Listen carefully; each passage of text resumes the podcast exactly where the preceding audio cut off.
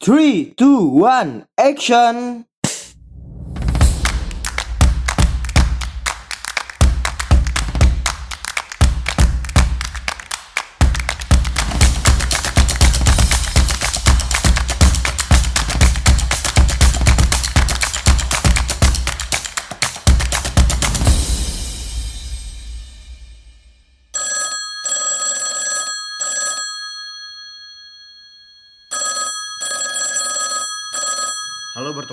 Saya Miftol Arzak. Ya, tentunya kita membahas tentang teori-teori komunikasi, terutama terkait contohnya. Jika eh, para pendengar ingin mengetahui penjelasan tentang hadirnya teori, kemudian eh, bagaimana teori teori komunikasi berkembang, itu bisa em, masuk dan mendengarkan di podcast saya silakan uh, dicek entah itu di Apple Podcast atau di Spotify itu dengan nama Miftol Arzak. Di situ saya juga menjelaskan tentang teori komunikasi. Dan uh, di YouTube ini ya saya juga akan uh, merekam juga untuk soundnya dan dijadikan di bahan sebagai podcast saya juga yang menjelaskan tentang uh, contoh-contoh teori komunikasi ya. Jadi seperti biasa teori komunikasi itu bukan sesuatu yang sedikit sama dengan uh, teori-teori yang lainnya ya. Di pertemuan kali ini kita akan menjelaskan tentang sebuah teori yang saya juga sebenarnya uh, sempat tertarik ketika melihat teori ini karena teori yang jarang sekali saya baca bahkan jarang sekali saya ajarkan namun perlu untuk kita uh, jelaskan ya karena ada salah satu teori yang yang menurut saya cukup menarik yaitu membahas tentang advertising theories ya atau teori periklanan. Ini seperti biasa saya mengambilnya itu di ensiklopedia teori komunikasi ya. Ini editornya ada Stephen Will Littlejohn dan Karen Avos Langsung saja ya. Jadi nanti saya dalam penjelasannya saya akan menjelaskan beserta contohnya ya. Sengaja saya membacanya karena eh, jika kita membahas teori sebagai sebuah perjalanan atau sebuah sejarah itu jangan sampai terpisah dari teks-teksnya ya. Jadi sehingga ada konteks ruang, konteks waktu, kapan teori itu hadir, kemudian eh, kap- kenapa teori itu bisa hadir, apa yang dibahas di awal gitu, itu tidak tidak apa ya, tidak melenceng dari perjalanan dan sejarahnya. Maka saya perlu mem- memerlukan teks, memerlukan eh, literasi literatur ya, eh, sehingga nantinya saya tidak menjelaskan eh, sembarangan seperti itu. Namun nanti saya akan juga menjelaskan eh, dengan beberapa contohnya. Langsung saja ya, teori periklanan. Dimulai pada pada sejak awal tahun 1900-an. Para peneliti telah berusaha untuk menjelaskan apakah advertising memiliki teori sendiri. Nah, ini jujur tadi saya belum belum sempat baca, saya setelah melihat judulnya langsung saya tertarik untuk melakukan peneliti apa eh, membaca teori ini. Namun menariknya ternyata juga apa ya penilaian para peneliti terutama peneliti komunikasi itu tentang ad periklanan itu mempertanyakan juga ternyata perlu dan untuk dibahas untuk dibahas menjadi sebuah teori sendiri. Sebab tampak bahwa setiap profesi yang serius didasarkan pada analisis sistematis atas fenomena bukan karena hasil dari insting atau kebetulan belaka. Dengan pengeluaran advertising Amerika Serikat contohnya, ada 149 miliar dolar Amerika pada tahun 2007. Sekitar 1,1 persen dari total produk domestik kotor Amerika Serikat. Secara ekonomi sebenarnya saya nggak bisa jelaskan juga ya karena keilmuan tentang hitung-hitungan ekonomi saya juga tidak memiliki. Namun dimunculkan di sini berarti ini menjadi salah satu yang uh, cukup serius uh, dan perlu untuk dipikirkan. Sehingga jelas bahwa advertising merupakan industri yang serius. Namun ketika Walter Dill Scott, direktur Psychological Laboratory di Northwestern University melakukan riset pada tahun 1903 tentang teori advertising. Dia tidak menemukan referensi teori selain pendekatan psikologi. Menarik ini ketika dihubungkan dengan pendekatan psikologi. Bahkan pada karya yang lebih baru seperti How Advertising Work, isinya masih mendeskripsikan proses advertising sebagai prosedur strategi komunikasi yang fungsinya untuk menciptakan perubahan psikologis. Ya. Jadi jika berbicara terkait advertising dan psikologi tadi ya, itu untuk menciptakan perubahan psikologis ya.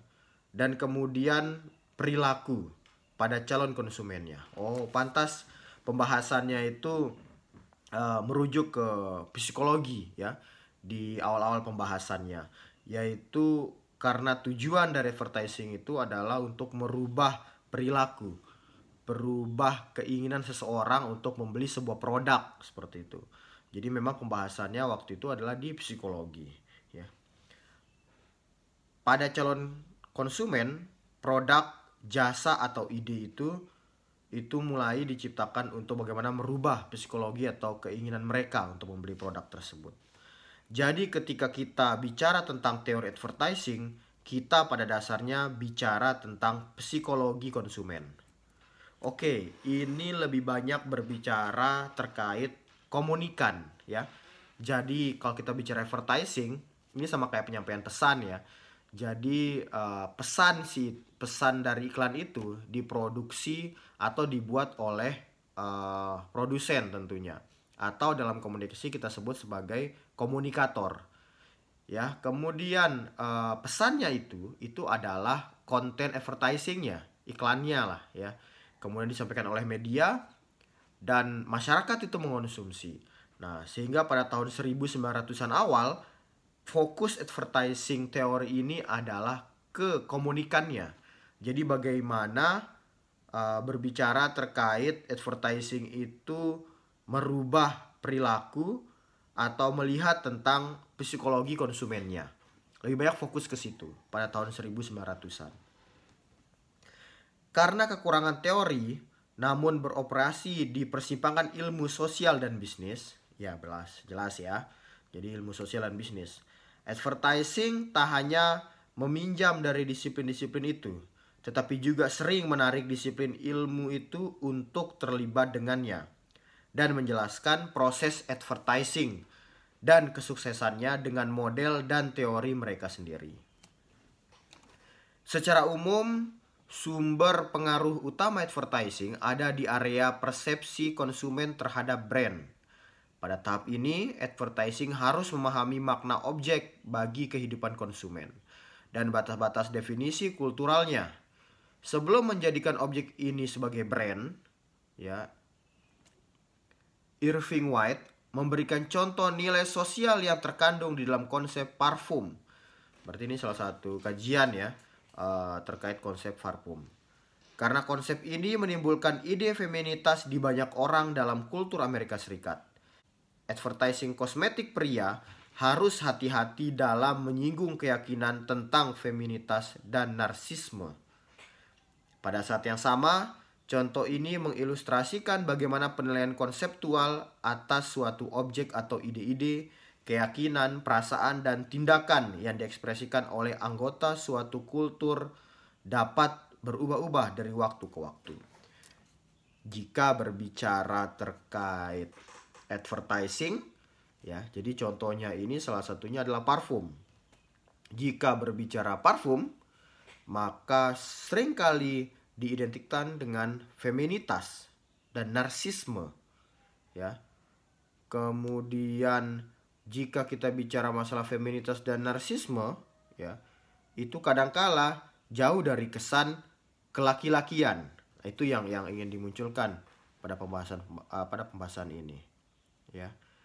Advertising brand produk kosmetik pria saat ini berbeda dengan advertising 20 atau 30 tahun lalu karena persepsi tentang lelaki berparfum sudah berubah. Nah, ini mulai dijelaskan sudah mulai ada perubahan ya. Yang sebelumnya di awal-awal tadi itu uh, belum, sekarang sudah mulai berbicara masalah laki-laki berparfum.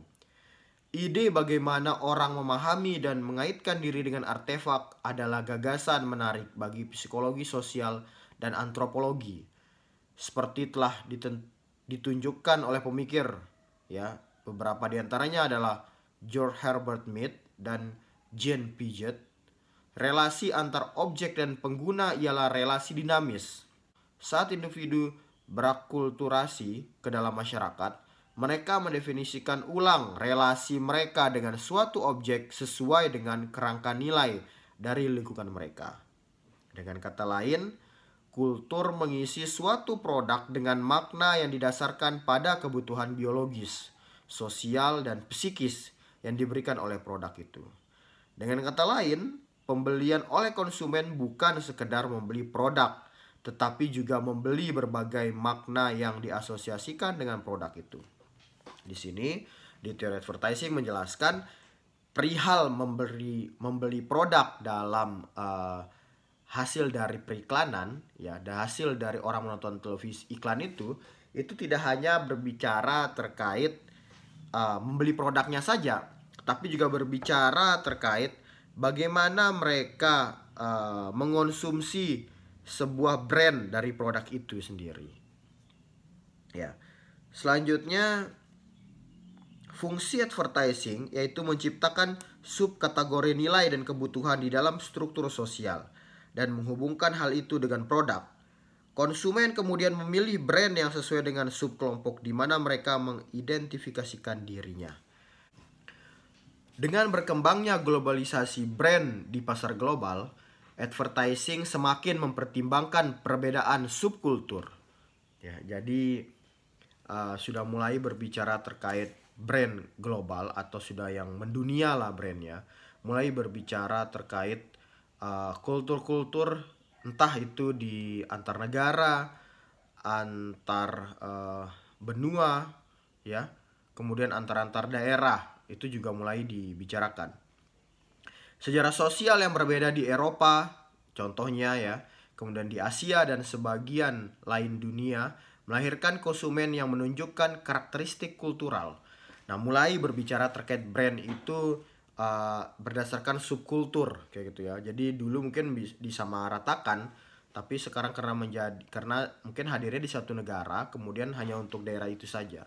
Namun ketika itu sudah menjadi global, jadi ada culture yang berbeda, entah itu antar benua, antar uh, negara, antar uh, wilayah seperti itu ya. Sehingga mulai mereka itu membuat klasifikasi-klasifikasi seperti itu.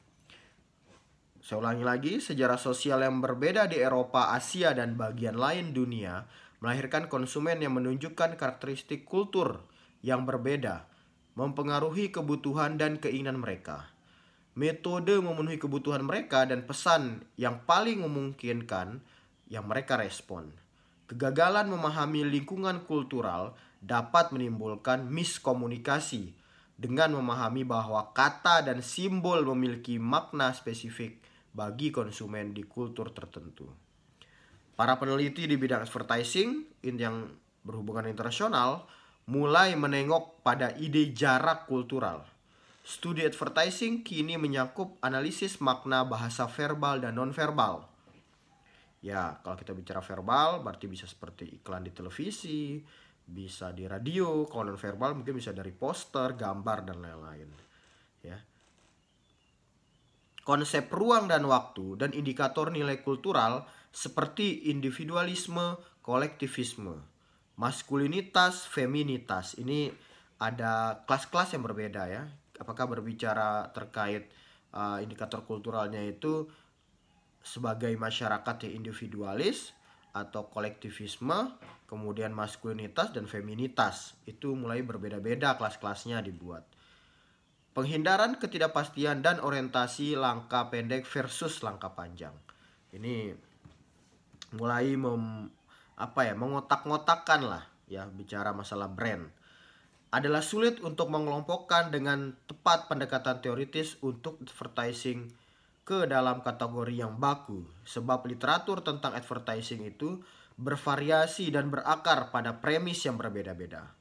Misalnya, karya yang fokus pada area fungsional dari advertising akan dikelompokkan berdasarkan penciptaan kampanye, penempatan media, penganggaran dan pengujian serta pengukuran. Literatur yang fokus pada proses advertising akan menggarisbawahi teori rasional dan emosional tentang persuasi, seperti elaborasi kemungkinan teori model dan pengkondisian. Literatur yang fokus pada hasil advertising akan dikategorisasikan dalam komponen persuasif, seperti strategi argumen, strategi pembangkitan, dan strategi dukungan. Analisis proses psikologis akan memandang persuasi sebagai komponen dari efek, begitu pula dengan perubahan sikap dan keterlibatan. Terakhir, studi budaya populer menganalisis iklan itu sendiri sebagai ekspresi dari struktur simbolik yang memberi signifikasi dan arti penting melalui konstruksi subjektif dan prosedur decoding misalnya.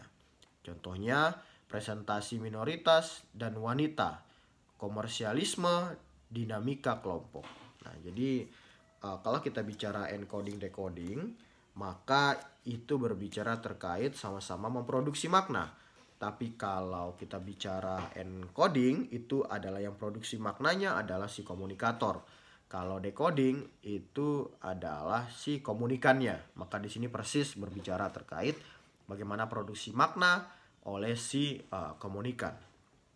Contohnya misalkan seperti ini paling simpel yang ini diajarkan oleh uh, dosen saya yang sampai sekarang saya menjadikan itu sebuah contoh yang mudah untuk mahasiswa-mahasiswa saya. Ketika ada seseorang, contoh ini laki-laki, yang dia itu di kultur keluarganya, ya jadi kultur keluarganya itu mereka kalau saling menyayangi antar sahabat, antar keluarga, mereka berikan dengan bunga. Gitu. Kemudian dia memiliki seorang uh, teman ya seorang perempuan kayak gitu yang senang banget dengan nonton film Korea yang di mana pada saat nonton film Korea itu mengungkapkan cinta itu dengan bunga gitu. Nah laki-laki ini memproduksi sebuah makna tentang persahabatan yaitu dengan bunga. Kemudian diberikanlah kepada si uh, perempuan ini. Nah karena perempuan ini menyenangi film Korea, produksi makna yang diciptakan itu berbeda berbeda ya dengan yang diciptakan oleh si laki-laki itu. Dia menganggap laki-laki itu cinta dengan dia ya padahal sebenarnya itu adalah hanya simbol persahabatan saja. Tetapi itulah uh, jika kita bicara encoding decoding. Tetapi encoding decoding bukan berbicara terkait kesalahan ya pemaknaan bukan tapi si komunikator dan komunikan ketika mendapatkan sebuah pesan entah itu verbal atau non verbal dia itu memproduksi sebuah makna ya. Dan kita tidak berbicara terkait apakah makna itu uh, sama yang mereka produksi seperti itu. Tapi sama-sama menciptakan sebuah makna. Itu fokusnya antara encoding dan decoding ya. Saya lanjutkan. Selain itu pendekatan yang berbeda-beda itu saling terkait dan tumpang tindih misalnya model afektif dan kognitif hampir ada di semua pendekatan karena itu, teori yang paling menonjol akan dibahas di sini dengan tetap mengakui bahwa ada banyak teori lain yang eksis. Itu gambaran tentang uh, teori advertising di mana mulai banyak dibicarakan itu pada tahun 1900-an yang fokusnya itu adalah ke psikologi. Kenapa ke psikologi? Karena fokusnya itu berbicara terkait si komunikannya, bagaimana penerimaan mereka, bagaimana perilaku mereka berubah ketika mereka menyaksikan sebuah iklan. Nah, kenapa ini menjadi fokus? Karena biaya dari sebuah iklan itu di semua negara, hampir semua negara, dalam buku ini hanya dijelaskan Amerika saja. Itu adalah sesuatu yang cukup besar. Terutama kalau kita berbicara masalah media-media yang menghidupkan itu hampir ya semuanya itu adalah terkait periklanan. Mungkin teman-teman pernah mendengarkan ya iklan televisi per detik itu bisa berapa puluh juta, ratusan bahkan miliaran misalkan, tergantung uh, prime time-nya atau jam uh, orang menyaksikan atau paling banyak orang menyaksikan tayangan media tersebut. Nah, itu menjadi sebuah bisnis yang besar, jadi penting untuk dibahas dalam sebuah uh, keilmuan komunikasi juga dan itu penjelasannya tadi. Oke, para pendengar semuanya, Sekali lagi saya ingatkan bahwa audionya dari video ini juga akan kami share nanti di podcast saya. Bisa dicek di entah itu Apple Podcast, Google Podcast, atau di Spotify, atau banyak sekali platform-platform lainnya. Bisa dicek di Miftahul Arzak. Demikian dapat saya sampaikan untuk teori advertising teori ya. Sampai ketemu lagi di pembahasan teori-teori yang lainnya. Yo.